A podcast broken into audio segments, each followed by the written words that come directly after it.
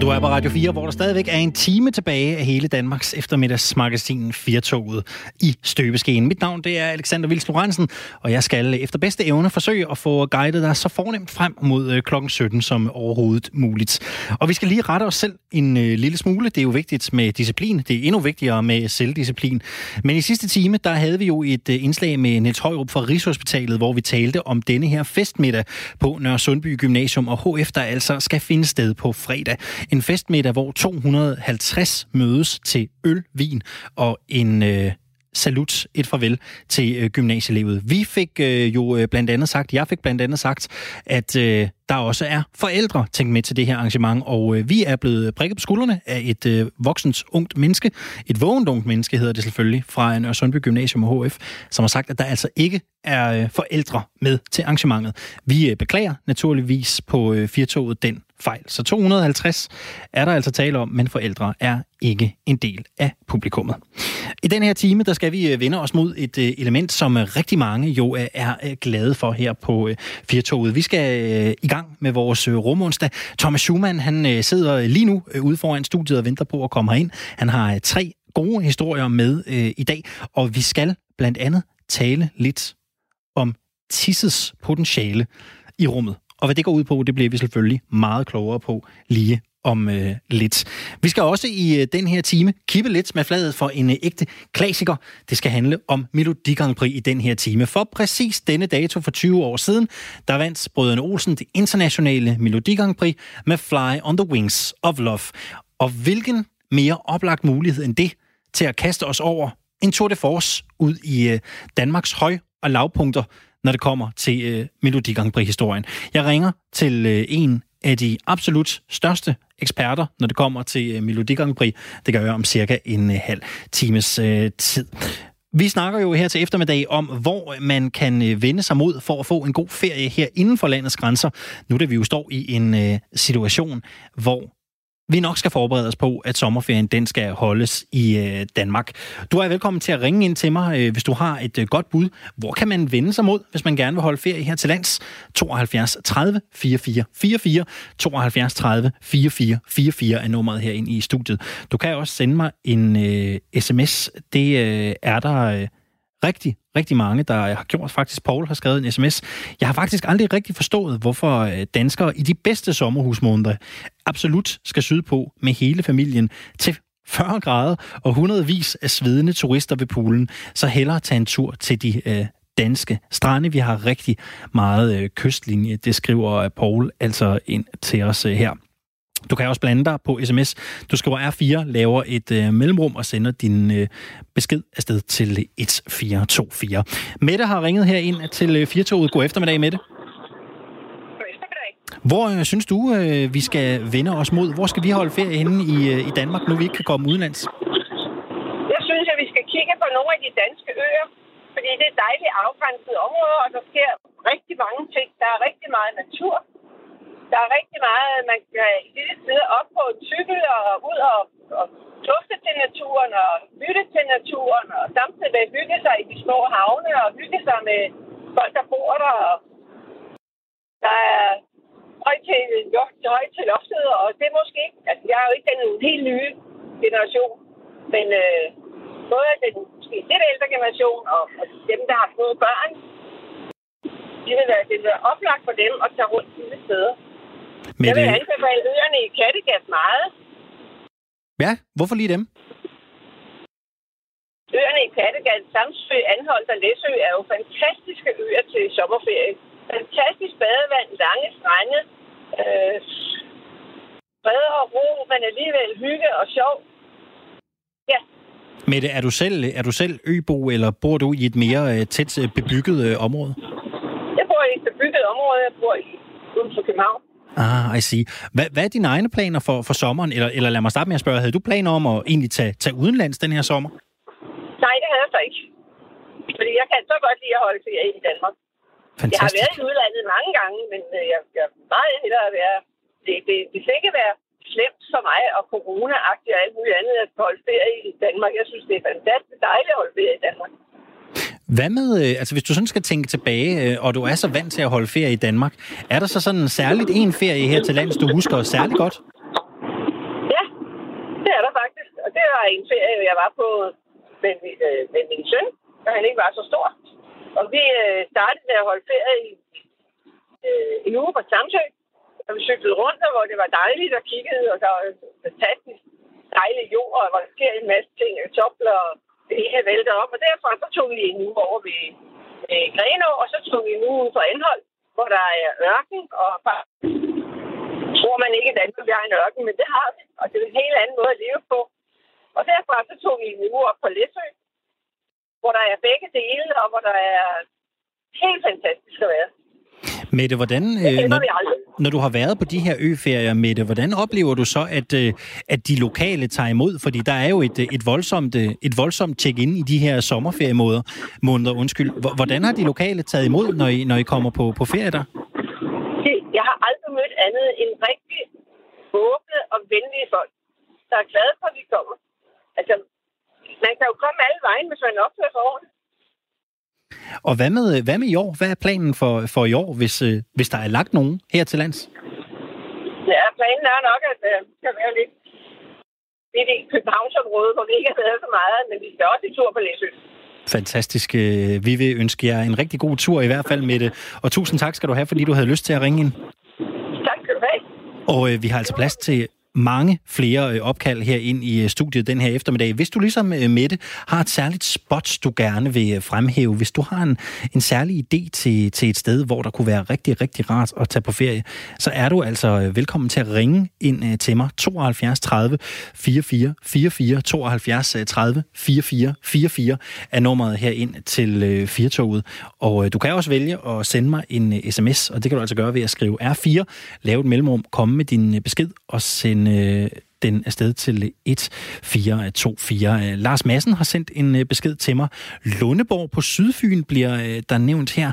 Jeg har ikke selv haft fornøjelsen af at være på Lundeborg, men jeg har hørt meget, meget godt om stedet, og der er der vist også nok, hvis jeg ikke tager fejl, en Lasse og Mathilde-sang, der kaster lys på nogle af de herligheder, der er på det her skønne sted på det sydfynske.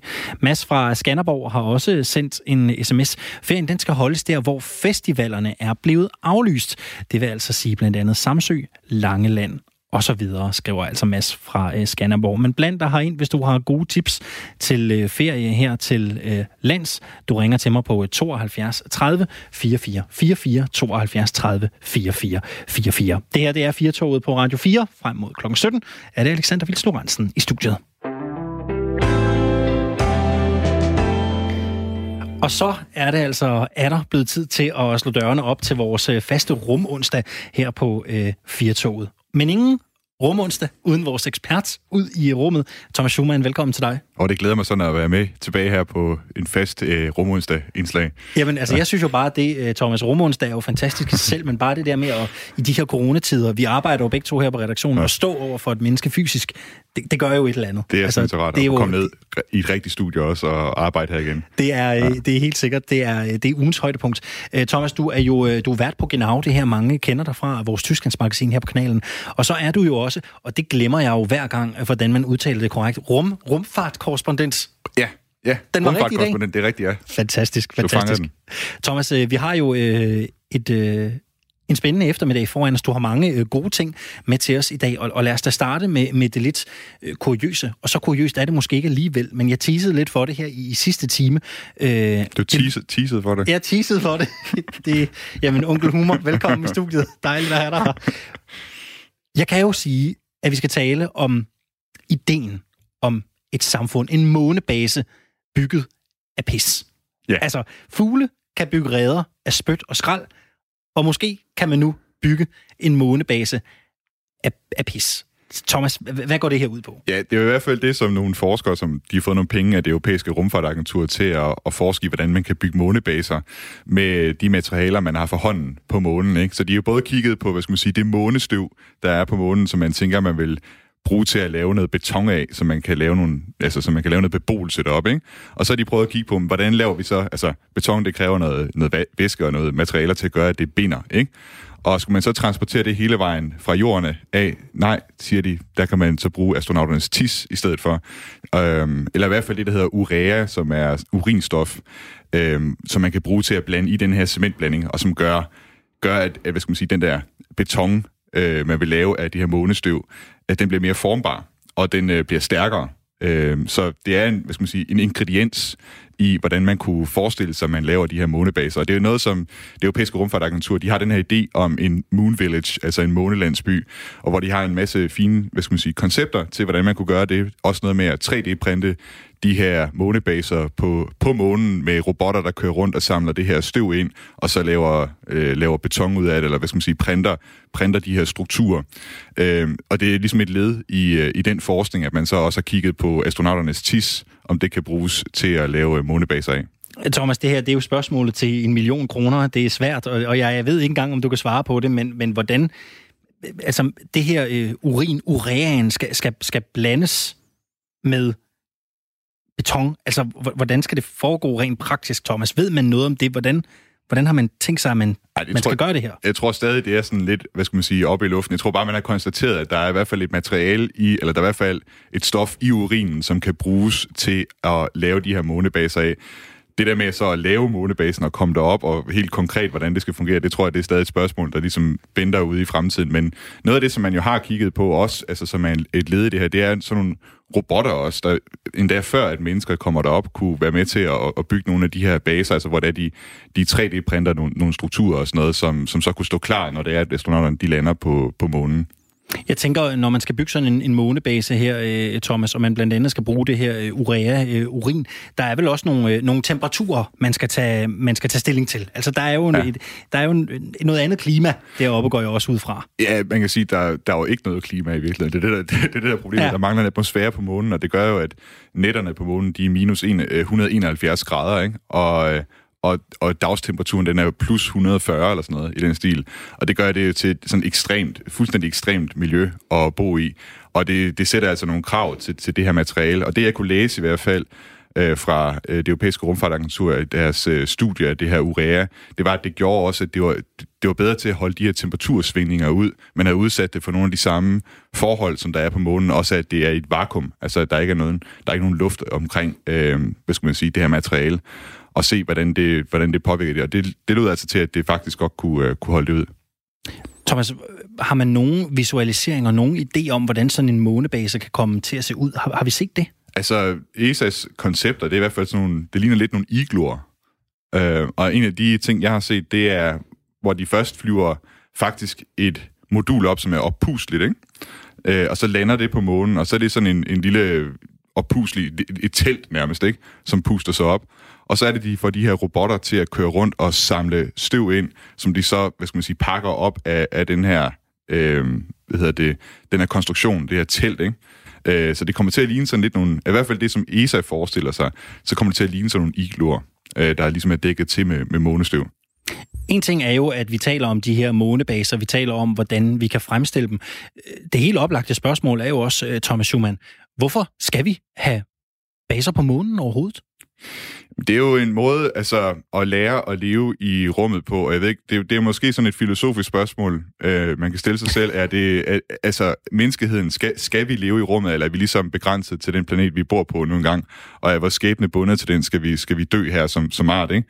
Men hvis man, og jeg ligger, hvad skal man sige, jeg er selv i den øh, gruppe, der, der mener, at at menneskeheden, altså det kunne være fint, hvis menneskeheden overlevede, også ud over jorden, så skal vi i hvert fald lære, hvordan det er, man kan for eksempel bo på månen. Ikke? Månen, det er jo det, hvad skal man sige, det tætteste øh, himmellegeme, som vi har, og som vi kan lære en masse ting af, om hvordan man lever i rummet. Altså også at lære at udnytte ressourcerne, blandt andet det her månestøv, vi taler om, ikke? Øh, eller det vand, der er på månens øh, sydpoler. Øh, så det er, det er sådan en første destination, det er det oplagte sted at tage hen, hvis det er, man vil lære, hvordan man lever i rummet. Kan man, kan man bruge vores tilstedeværelse i rummet til noget andet? Altså kan man, kan man teste teknologier? Kan man teste udviklingspotentiale på ting deroppe også? Er der et element af det også? Der er noget snak om i hvert fald, at sådan noget som øh, fiberoptiske kabler, øh, hvis man skal se sådan helt kommercielt på det, øh, der er nogle urenheder i, når man laver det her på jorden, øh, og det, det begrænser hastigheden, du kan sende data igennem dem. Hvis du kan lave dem i vægtløshed for eksempel, eller måske i, i en sjettedels tyngdekraft, så kan du måske få nogle hvad hedder det, fiberoptiske kabler, som var hurtigere, hvor du kan sende mere data igennem. Det er sådan helt kommercielt. Øh, på månen, der er der også snak om, at der er øh, et stof, der hedder helium-3, som du kan bruge i de, øh, hvis du vil udvikle fusionskraft. Og fusion, for dem, der ikke ved det, det er jo det er en energiform, som øh, man kan sige, vil fjerne alle de energiproblemer, vi har i dag. Det er, sådan, det, er det brand, det har i hvert fald. Ikke? Øh, og der helium-3, det er, sådan en, det, er, det er et stof, som vil egne sig godt. Det vil være et, øh, et effektivt brændsel i de her øh, fusionskraftværker, øh, som man ikke rigtig finder på jorden. Det finder man, det finder man kun i de største mængder på, på månen. Den ene mands øh, tis, den anden mands guld. Øh, det kan jo være, det er der, vi øh, kommer hen. Det vil tiden vise, øh, Thomas.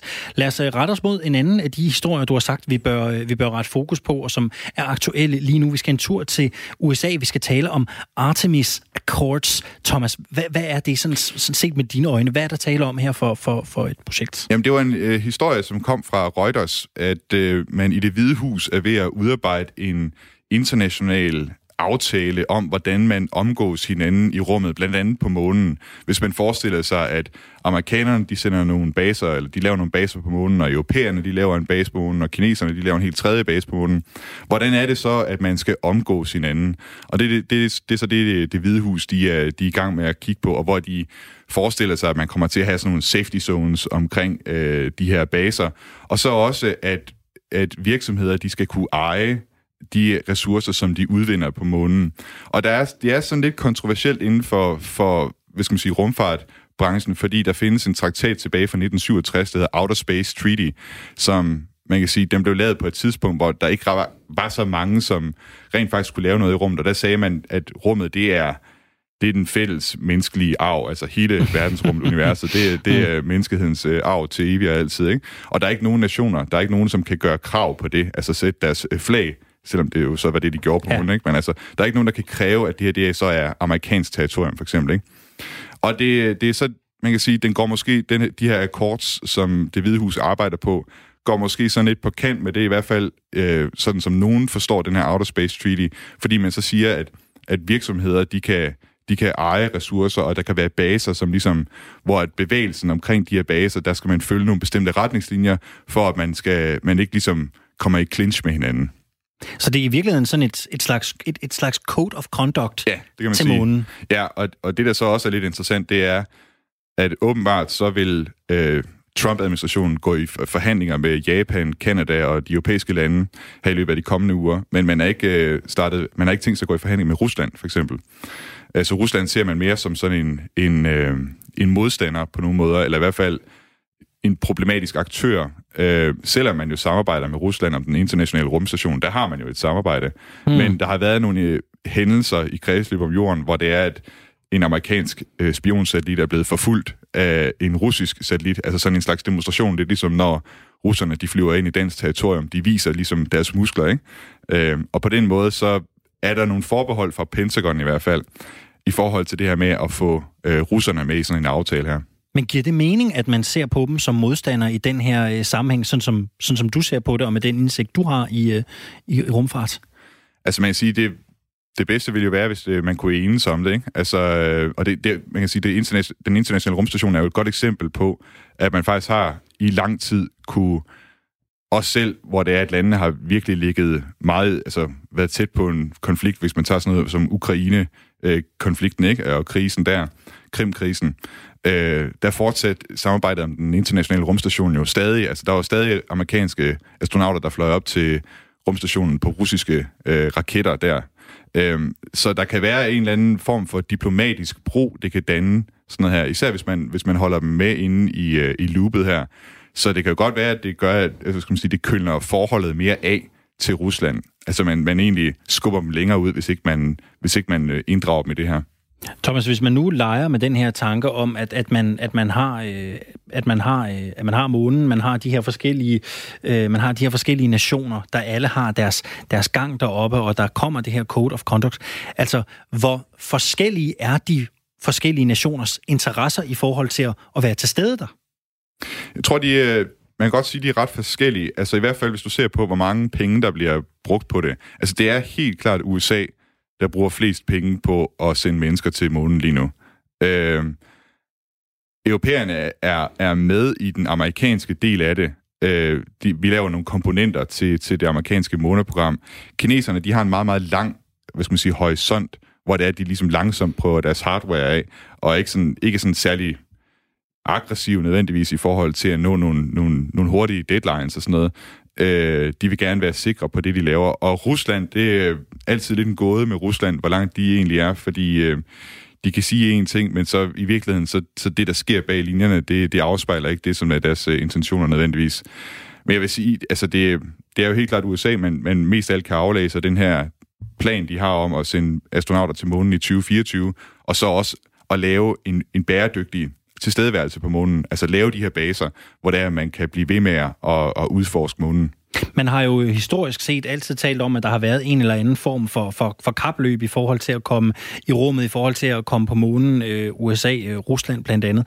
I hvor høj grad er der stadig tale om et, et kapløb i dag, øh, Thomas det, det mener jeg ikke, man kan sige, der er. Altså, fordi igen, altså, man skal bare kigge på de dollars, der i virkeligheden bliver brugt på det. Ikke? Og der, der jo overstråler USA fuldstændig øh, de andre lande. Altså hvis man endelig skal tale om et kapløb, så synes jeg, man skal tale om det inden for de... Øh, altså man skal, man skal nærmest kun tale om det inden for en amerikansk sammenhæng, og så de private virksomheder, som lige nu er i gang med at lave det her hardware. Og der kan man, der kan man sige, at mellem de virksomheder er der et kapløb om, fordi der er noget prestige i at være den første og vinde de her kontrakter hos NASA for eksempel. Øh, der, kan man, der tror jeg, man kan sige, at der er et kapløb om at, at nå til månen og være dem, der, der gør tingene først. USA er dem, der klart poster flest penge i øh, de her ekspeditioner, i de her planer. Sådan fra politisk side, Thomas Schumann, hvor, hvor, hvor stor en prioritet har det her område for, øh, for, for, Trumps, øh, for Trumps regering nu? Det har jo i hvert fald, hvis man sammenligner med Obama, haft en ret stor prioritet. Altså, jeg tror ikke, jo, Obama, han har også, øh, han har jo selvfølgelig også holdt nogle taler og sådan noget, men, men han lader aldrig til at være sådan særlig, særlig optaget af det. Og man kan sige, vicepræsident Mike Pence, han er i hvert fald meget optaget af det her med at nå til månen. Altså, han er formand for det, der hedder, øh, jeg tror nok, det hedder Space Council over i, i, øh, i, i det hvide hus. Det var sådan et, et råd, man også havde tilbage mm. under, jeg tror, det var under Nixon, man også havde det. Men øh, hvor man jo, hvor man har en meget mere aktiv diskussion omkring det her det er en ny ting, som Trump-administrationen har, har hvad skal man sige, genindført, det her Space Council, og hvor at øh, vicepræsidenten altså har været meget... Altså, det var ham, der sagde, at øh, amerikanerne skal vende tilbage til månen i 2024, hvor planen under Obama-administrationen, den var, at man, altså 2028, eller mm-hmm. når man nu engang kan, ikke? Altså her der man sat en meget, meget aggressiv øh, deadline, og der er mange, der tror, at det, det slet ikke kan nås, fordi det simpelthen er for urealistisk. Men det sætter jo nogle ting i gang øh, i, i miljøet derovre. Hvorfor den her aggressive øh, fremfærd fra, fra, fra Trump øh, og regeringen? Jamen, altså, jeg tror, det hører meget i, hvad skal man sige, ind under den her Trump-doktrin, at man, man ser lidt de andre ude i verden som mere som modstandere end som øh, medspillere, ikke? Øh, og man har også kunne se, at, at, at Kina og Rusland og, og de her lande, som, som Trump-administrationen måske har det med at definere som modstandere, eller i hvert fald nogen i Trump-administrationen. Jeg ved, man ved aldrig rigtigt, hvor man har Trump. Mm. Øh, men, men de ser jo på de evner, som, som de her lande de får, også rent militært til at kunne nedskyde satellitter og sådan noget, som vi har talt om øh, tidligere herinde. Øh, det, det, det bliver de bedre og bedre til. Og en af de ting, der også er kommet med Trump-administrationen, det er, at man har sagt, at, at rummet, det er et warfighting-domæne. Altså man har omdefineret det til et warfighting-domæne, mm. hvor jeg tror sådan en som Obama, han har, altså, han har talt lidt mere floromvundet omkring det, og det er, over det er videnskaben og ved, øh, alle de gode ting i mennesker og sådan noget her. Så de tager måske en lidt mere... Øh, konfrontatorisk øh, tilgang til det. Du kan også se det i det her med, at de har oprettet et Space Force. Det er jo også øh, helt klart et, altså, et tegn på den her øh, doktrin, der findes hos Trump, og den her tilgang, de har til rummet. Vi skal jo nå den sidste ting. Tiden løber jo ekstremt hurtigt. Det er godt selskab, øh, Thomas Schumann, og vi bliver jo lidt i samme genre. Vi skal tale om Planetary Protection. De, øh, de to P'er, Planetary Protection hedder ja. det naturligvis. Thomas, øh, Thomas hvad, er det for et, hvad er det for et fænomen? Jamen, altså, det, det, det, følger jo lidt, det var sådan lidt i skal man sige, følger jo lidt af det, vi ja, snakker om her med, med de her baser. Altså, når man begynder at sende mennesker, når man begynder at sende så meget mere i rummet, altså mennesker særligt, øhm, så, øh, så er der nogen, som er sådan lidt bekymret for dels, hvad sender vi der op af for eksempel mikrober og bakterier, som kan ødelægge de, øh, hvis der nu er liv for eksempel på en planet som Mars, så kunne vores mikrober bakterier, det kunne ødelægge noget af det liv, der er der, ligesom europæerne, da de kom til, til Nordamerika, udrydde det, hvad skal man sige, de fleste indianere med, øh, med, med, med de sygdomme, vi havde med fra Europa. Ikke? Og så omvendt, så er der også en bekymring for, hvis man nu tager noget med tilbage igen, hvad vil det så ikke ødelægge af ting og sager hernede på jorden, hvis man får en Mars-mikrobe med tilbage til, til jorden. Det var jo sådan tilbage i øh, 69, da Neil Armstrong, Buzz Aldrin og Michael Collins, da de vendte tilbage til jorden, så blev de faktisk sat i karantæne i, øh, jeg tror det var to uger, bare for at være sikker på, at der ikke var nogen månebakterier, der mm. ligesom kom med tilbage. Ikke? Øhm, så det er, altså, planetary protection, det er sådan en ting, som man i langt højere grad skal til at tale om nu her, hvor der er så mange flere aktører, som kommer på banen. Og jeg ved, der er noget snak om, at man skal have nogle, igen ligesom med de her Artemis Accords, et internationalt regelsæt, som gør, at alle ligesom overholder de samme regler. Fordi øh, altså, det, det kan være mange lande, som, som har en interesse i at tage nogle øh, jordprøver med fra en asteroide, eller fra månen, eller fra Mars. Og der skal, der skal altså gælde nogle fælles regler. Det øh, er jo, hvad vi når i dag. Altså, der er jo masser at snakke om ja. her, Thomas. Vi kunne have taget en halv time øh, mere på, øh, på rummet her, men øh, lad os da sige, at vi bare øh, gør det en anden, øh, en anden, god, øh, en anden god onsdag. Måske næste onsdag. det kunne godt ske, øh, Thomas Schumann. Tak skal du have, fordi du havde lyst til at øh, komme i studiet her. Det var en fornøjelse. Radio 4 taler med Danmark. Og det gør vi i dag om oplagte feriesteder her til lands nu, hvor vi ikke kan komme ud og holde ferie uden for landets grænser. Alt tyder på, at vi skal holde sommerferie i Danmark. Har du et godt ferietip i Danmark, så ring ind til mig. 72 30 44 44. Det er Claus Gjort. God eftermiddag, Claus. Ja, ja, hej, hej. Hvor ringer du fra? Jeg, jeg ringer ned fra, fra Køge. Nå, jeg, jeg er sådan set på vej til, til Stævns, men øh, jeg synes, at øh, jeg vil bare lige fortælle jer, at øh, Køge er jo et, et fantastisk sted at holde ferie for, for børnefamilier. Du har jo 30 km til København, og du har 20 km ned til, til Stævns Klint, hvor man, hvor man kan se UNESCO's verdensarvliste med, med Stævns Klint. Er du sådan en, øh, Claus, der selv, øh, der selv bliver hjemme, ofte for at nyde dit lokalområde, eller, øh, eller holder du mest af at tage ud? Ja, det kan du tro. Det er 20 år siden, jeg har været i udlandet, så, så jeg holder mest af at være hjemme i Danmark. Okay. Der er jo fantastisk meget. Og i, i, i Køge, der, der har vi et, et, et fantastisk museum også, hvor man kan se ham, i Wittfeldt, der sprang til skib i luften for, for at redde Danmark fra svenskerne. Så der, der er rigtig meget at se på her i Køge. Så har vi også noget, der hedder Køge Miniby. Øh, det er en, med næsten 1000 huse, som øh, Køge så ud i 1865. Man skulle, næsten tro, man, øh, man skulle næsten tro, du var ansat i, i Visit Køge eller Visit Sydsjælland. Ja, ja, ja. skulle man tro, Claus? Ja, ja. Det har jeg været engang. Ja, men jeg synes næsten, jeg kunne mærke noget marketingmand i dig der. Claus, prøv lige at lade mig høre en gang. Når du sådan ser tilbage på de ture, du har haft i Danmark, når du ikke har været uden for landet i 20 år på ferie, hvor har du haft din bedste oplevelse? Det, var, det var over i, i Jylland, i Nordjylland. Og det er jo, det jo fantastisk. Blåvand og hele vejen nedover til Fanø. Det, det er jo et rigtig lækkert sted. Ja, hvad er det, du godt kan lide ved det sted? Ja, altså, det, det er suset med bølgerne og, og blæsten, du ved. Og, og det er ligesom, når man er på Bornholm også. Det er også et fantastisk sted, ikke? Med, med, med, med klipperne. Og, og, og, og det er ligesom, det giver sådan en helt sus i kroppen der. Hvor vil du gerne hen, ja, jo... hvor vil du gerne hen næste gang, når du skal ud og, og feriere i, øh, i Danmark? Ja, der, der, der, der, der vil jeg ned, ned ved Carbæks Minden, og det område, det er, det er også et skønt sted at holde ferie. Ja, det er jo ikke så langt fra, hvor du bor jo faktisk. Nej, nej det er ikke. Der, kan du, der, der er små 70 km op, ikke? Og så, der, det er, der er også meget at se på dernede. Det er der. Fantastiske, Claus. Vi er rigtig glade for dine inputs. Kan du have en øh, dejlig eftermiddag, og tak for dit øh, indspark. Ja, det, tak skal du have. Og øh, vi har plads til mange flere telefoner. Bare ring herind, hvis du har et godt ferietip her i øh, det danske land. Hvor skal man holde ferie? Ring ind på 72 30 44 44. Fly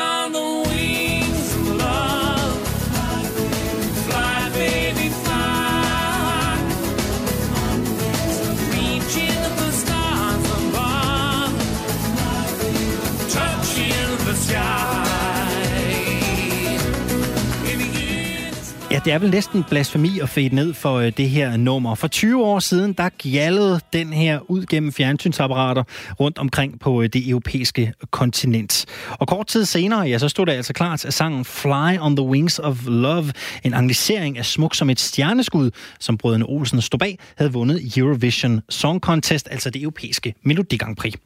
Det var en øh, uh, skældsættende begivenhed i dansk Grand Prix-historie, for den dag afgjorde faktisk Danmarks fremtidige engagement i sang sangkonkurrencen. Og hvordan placerer den sang sig egentlig historisk i det melodiøse hav af deltagere, der har repræsenteret Dannebro og danerne med en mikrofon og deres røst? Det skal vi blive lidt øh, klogere på nu, og det øh, er der jo kun én mand her til lands, der kan hjælpe os med. Det er dig, Ole Tøbholm. Velkommen til. Tak skal du have. Du er Melodi Grand Prix-kommentator og ekspert, kan man vist også roligt kalde dig, hos Danmarks Radio, og du har kommenteret et hav af Melodi Grand Prix'er. Prøv først lige at fortælle mig, når du hører det her nummer Fly on the Wings of Love, når du hører det igen, vækker det minder mm. i dig? Jamen det gør det da, altså fordi jeg kan tydeligt huske der for 20 år siden, da, da brødrene vandt, både i Danmark og, det, og da de vandt i, øh, i Stockholm, der var en eller anden speciel stemning over den sang og de to brødre, fordi de stod i skærende kontrast til alt andet, der var med i, øh, i Melodi Grand Prix øh, dengang. Det var det mest danske, vi kunne tage op af hatten på, øh, på daværende tidspunkt, og samtidig så var det så mange år siden, at Danmark sidst havde vundet et Melodi Grand Prix, så på det tidspunkt var der ingen, der troede, at det overhovedet kunne lade sig gøre for Danmark at vinde igen. Men det kunne de, og hele den der euforiske stemning, der opstod i første omgang, da de vandt i Danmark, og så øh, netop på, øh, på dagen i dag for, for 20 år siden, det var så magisk, øh, og Melodi Grand Prix-feberen nåede nye højder i Danmark, som øh, jeg tror aldrig kan komme op på samme niveau igen som, øh, som øh, den aften. Der er jo også mange, der vil mene, at øh, Brødrene Olsen var repræsentanter for noget i Melodi Grand Prix, man kan kalde no bullshit. Det er to ældre herrer med en guitar, der står på en scene og synger, og så er der selvfølgelig et, et kor. Altså det her, det var Melodi Grand Prix, det er, øh, det er sang i sin reneste form. Hvad, hvad, hvad, hvad, hvad tænker du om, om, om den holdning? Er det noget, du kan genkende? Ja, det er jeg da helt enig i, fordi hvis der er noget, der er blevet diskuteret, øh, ikke bare de senere år, men faktisk alle de år, der har været Melodi Grand Prix, jamen så er det, at der er for meget show over det, der er for lidt fokus på øh, den gode melodi og sådan nogle ting, og det var der også debat om i øh, år 2000, da brødrene stillede op. Altså vores værste konkurrent var Rusland, som var en meget ung kvinde med danser omkring sig, der var røg, og det var sådan et koncept, hvor man forsøgte at designe sig til en, øh, en sejr. Og der kan man sige, når der så kommer sådan et par ældre herrer ind som brødrene Olsen, øh, repræsenterede dengang, jamen så skilte det sig så meget ud, men det var faktisk det, Europa sukkede efter på daværende tidspunkt, og det var det, der gjorde, at de kunne vinde. Vi kunne ikke vide det, fordi det er ikke øh, netop noget, man lige kan designe sig til, men det virkede den aften, og det var det, Europa simpelthen ikke kunne stå for. Da Brødrene Olsen vandt det her øh, Grand Prix i, øh, i år 2000, der er det altså 35 år siden, at man sidst havde hævet sejren hjem i, øh, i Danmark. Hvad er det, de, øh, og det kan jo være et stort spørgsmål, hvad er det, de, øh, de øvrige års kompetenter ikke kunne levere, som Brøden Olsen kunne?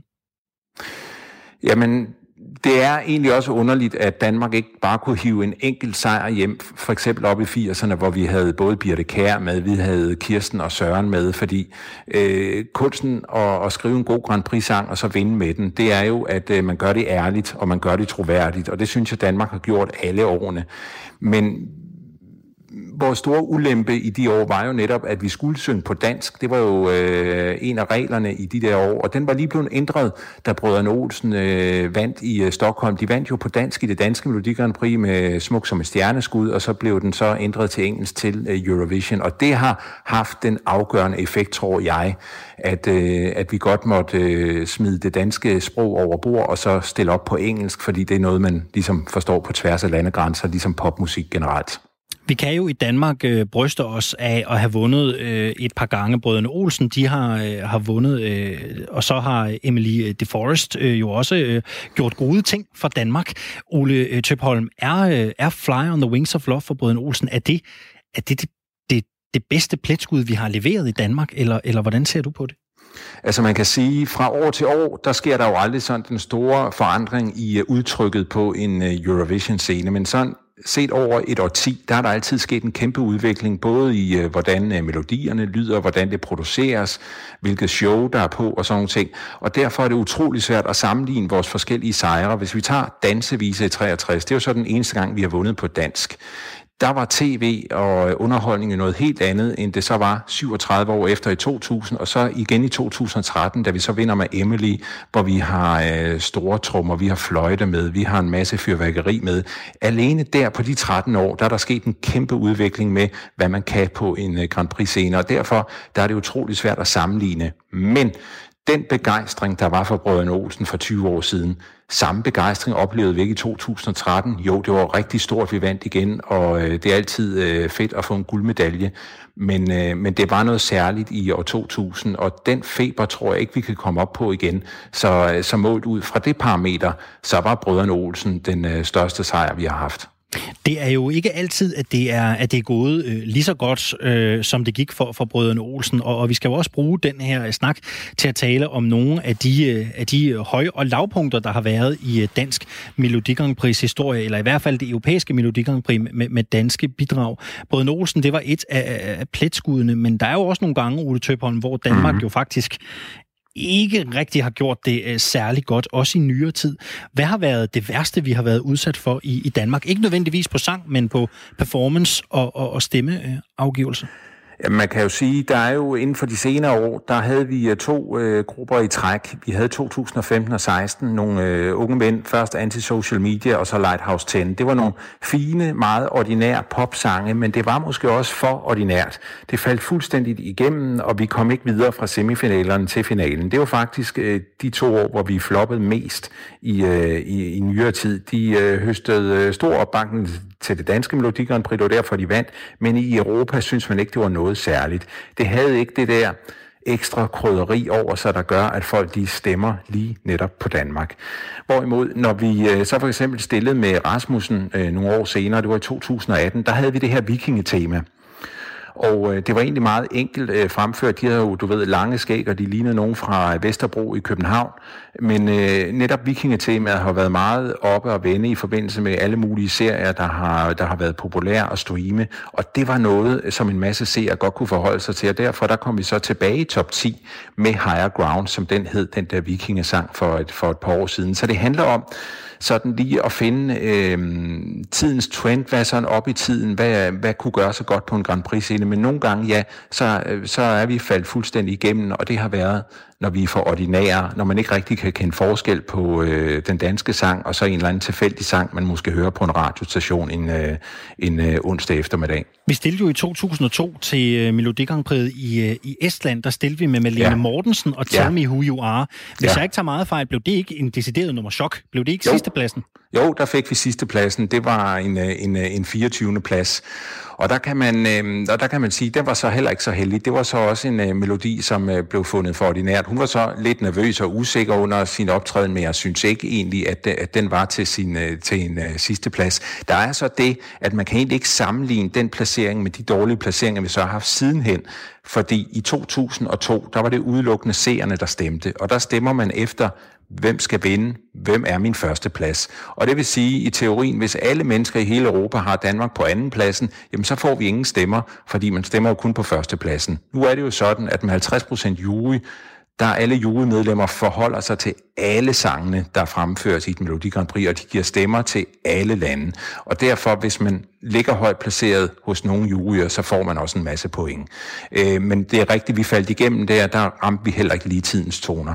Hvis vi lige skal slutte af igen med, med Brødrene Olsen, der var jo nogen, der mente, at, at Brødrene Olsens sejr internationalt i år 2000, det var det, der sikrede Danmarks overlevelse i, i, i Melodi Grand Prix. Mm. Hvordan, øh, hvordan kan det være, at nogen, øh, nogen siger det? Jamen, det er jeg da helt enig i. Det var fordi, at vi var lige blevet færdig med 90'erne, som var et rigtig skidt årti for, øh, for Danmark i øh, Eurovision-sammenhæng. Vi øh, fik dårlige placeringer, og kombineret med, at der så kom flere og flere lande med, så blev de dårligst placerede lande jo så netop udelukket for at deltage året efter. Og det betød jo, at Danmark var ude i 94, vi var ude i 96, og vi var heller ikke med i 98.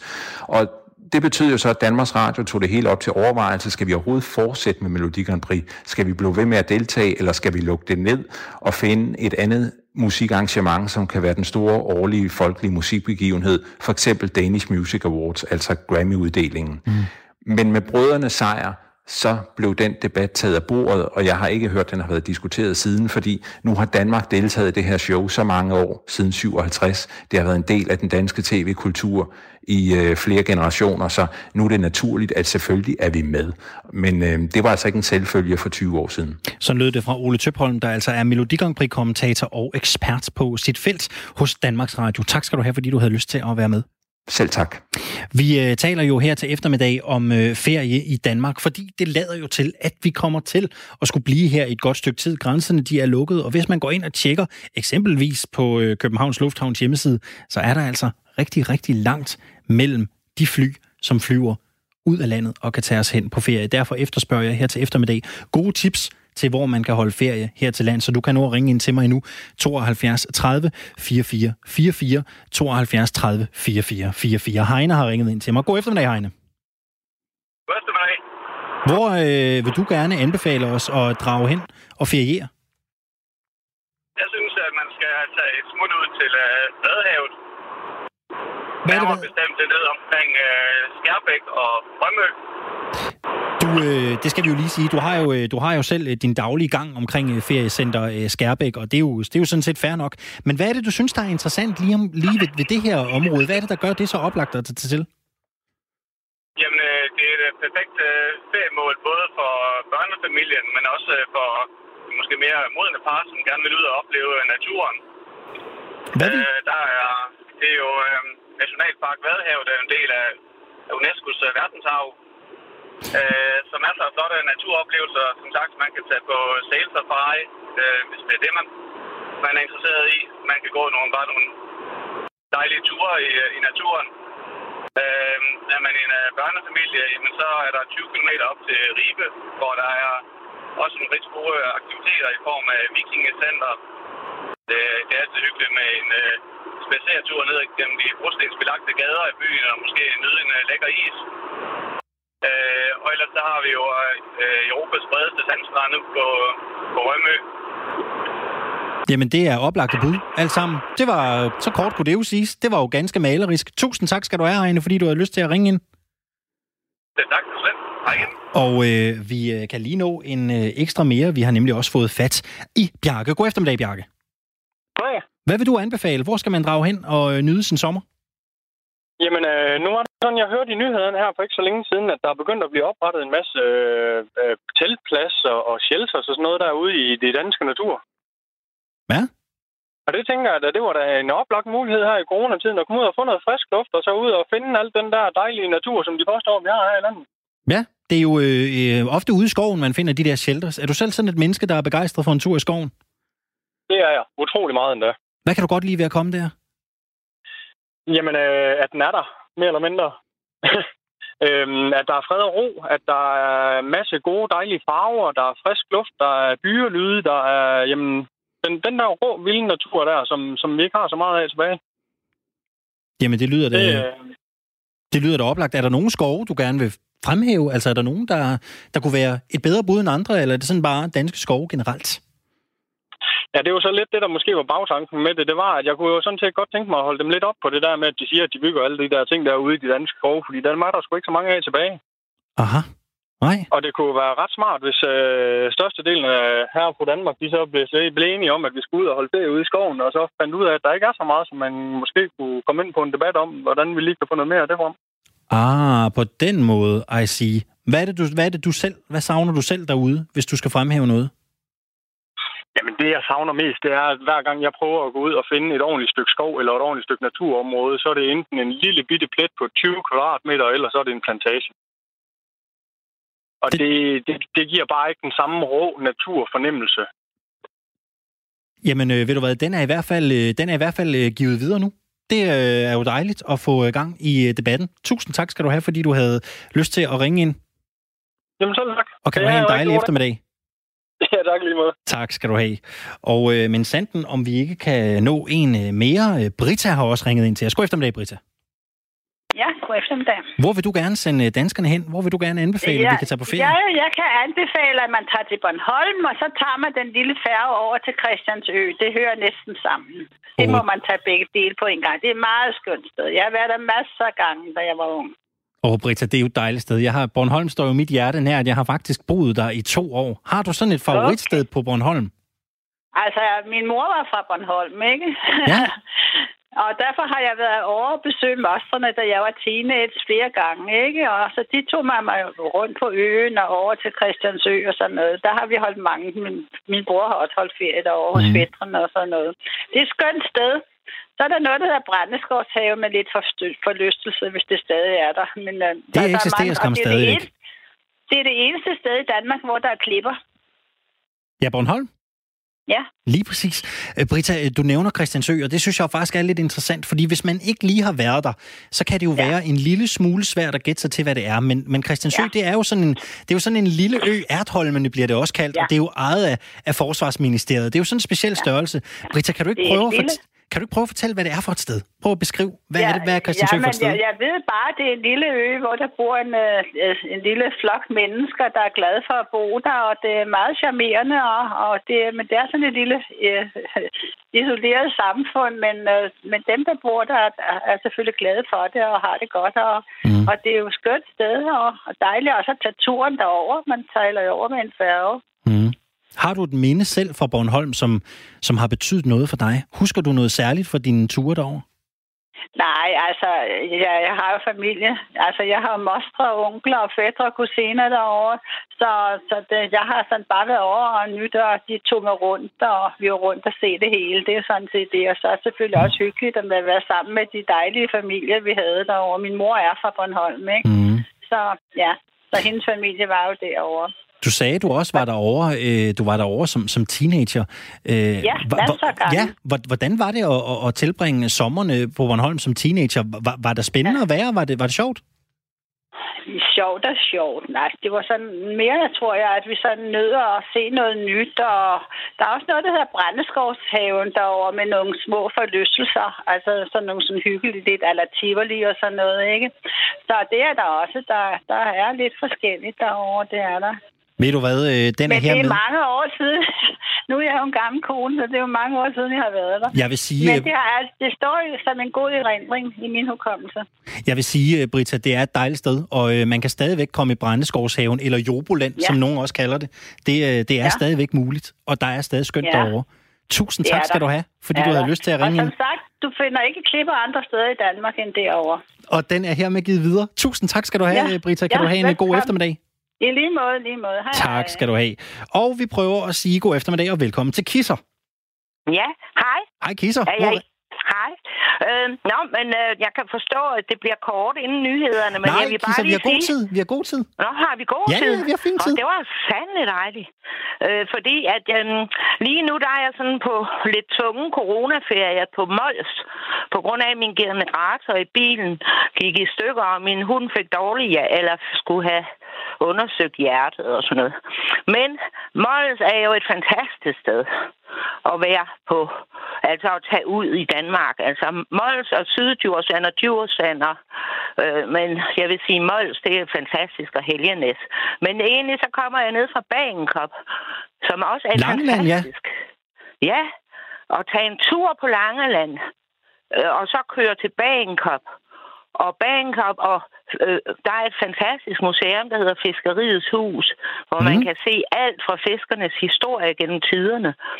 Og øh, øh, altså, der er jo friske fisk, og man kan lege en lille båd og sejle ud med en fiskesnøre, ikke? Og øh, øh, i det hele taget, så Bagenkop og omegner de vilde heste, det er det område derude ved Gulstav.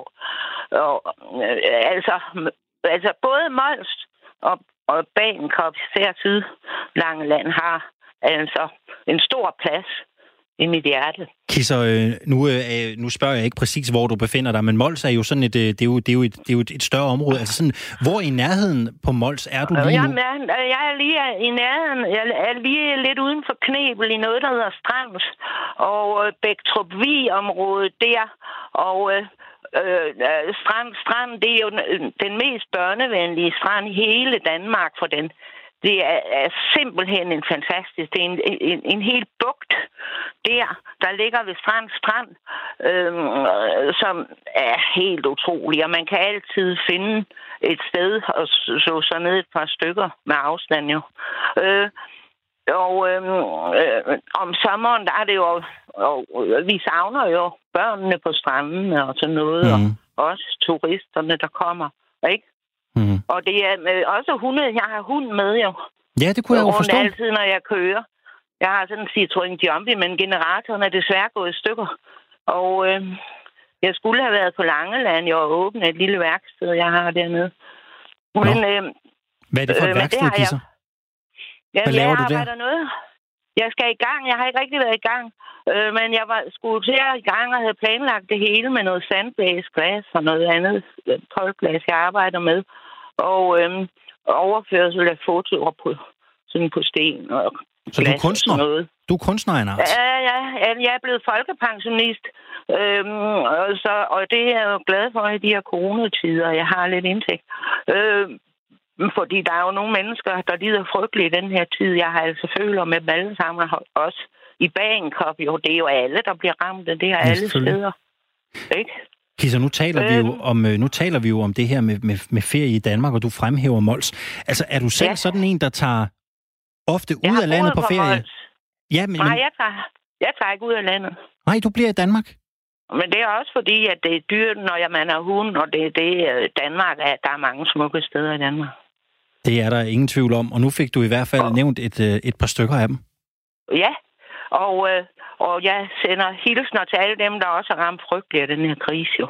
De er... Øh, Øh, for, øh, fordi øh, det bliver godt, når der kommer nogle sejlere. Jeg forstår ikke, de tyske sejlere, øh, dem på den lille båd, ikke kan sejle ud af Tyskland. De er da ikke til fare for nogen af de ude på vandet.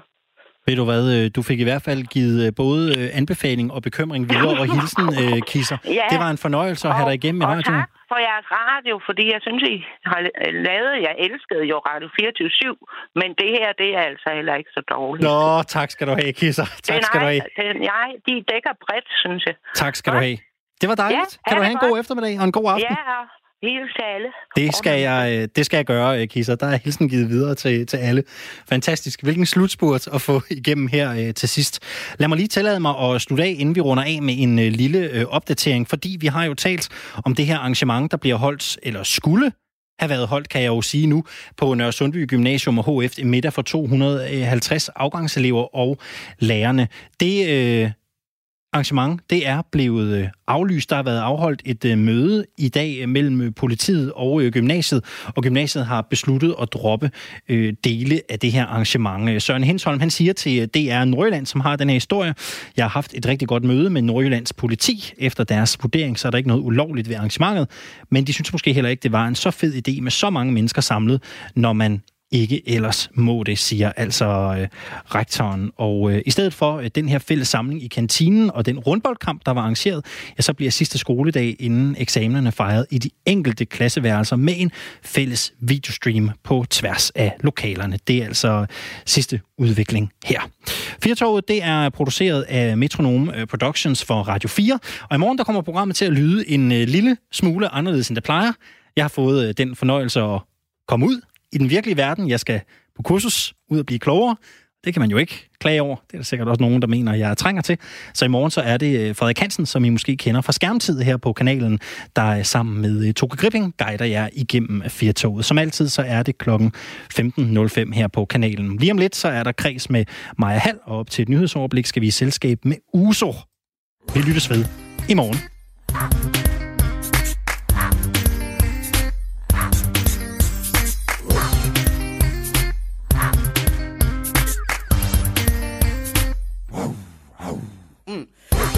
Stille er i mit kar Alle folk råber uso, det er mig klar Men det bliver endnu vildere, når jeg timer op. Mahami alle kalder easy car Lad mig sange, dedikere dem til de hus. Bed dem alle om at drikke i vores lås. Vi kan snakke, vi kan slippe, vi kan hang Vi kan pakke, vi kan lægge i en sag Så vi siger til jer, lad dig bedre kan Ringer til dig, tager dig andre steder hen. Giv dig fri, vi lader se mig, kan det tænde dig Kigger på dig, og du spiller som en fan. Er du klar til terror? Hvad er det par, som de snakker om? Der står pimpen resume Ringer til dig på turné. Kan vi ikke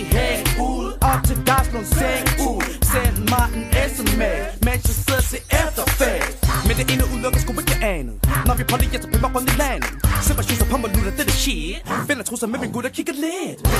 Vil du med os videre, videre? Vi har set dig ud på gulvet på sit pap Og det er den måde, det er den måde Som du gør det på. Der giver dig kærlighed Så giv os noget tilbage igen For det er din måde, det er din måde. Tag det roligt, for jeg glemmer ikke nogen Tag dig med overalt i min telefon. Et blå, der fælder for jeg bold rugby.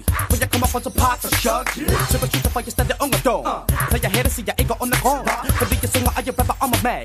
Er det fordi, der står dollar på min cap? Men jeg kommer kold og snakker med de piger Når jeg til dem, giver dem ret i, hvad de siger.